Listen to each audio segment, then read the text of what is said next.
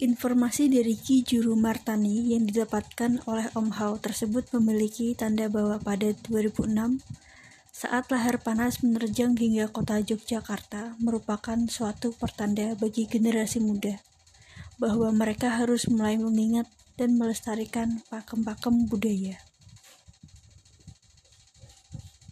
Melalui video tersebut, tim kisah Tanah Jawa saat berada di Kali Adem juga mengunjungi bunker Kali Adem.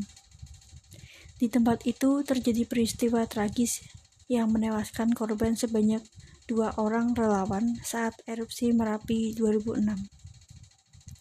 Saat hendak memasuki bunker Kali Adem, lantas Om Hao membungkukkan sedikit badannya sehingga bentuk penghormatan kepada sang penunggu yang ada di dalam bunker Kaliadem.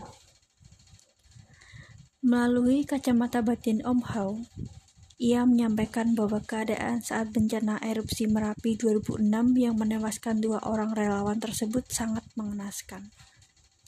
Om Hao merasakan saat itu suhu dalam bunker Kaliadem dapat menyentuh 500 hingga 700 derajat Celcius.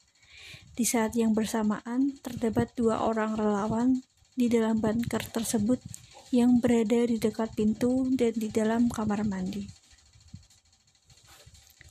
Melalui penglihatan spiritual, Om Ho melihat keadaan relawan yang berada di dekat pintu sangat mengenaskan.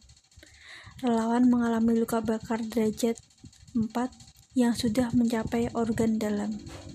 Ia juga menjelaskan bahwa saat proses evakuasi pun suhu dalam bunker kali adem dapat menyentuh 80 sampai 130 derajat Celcius.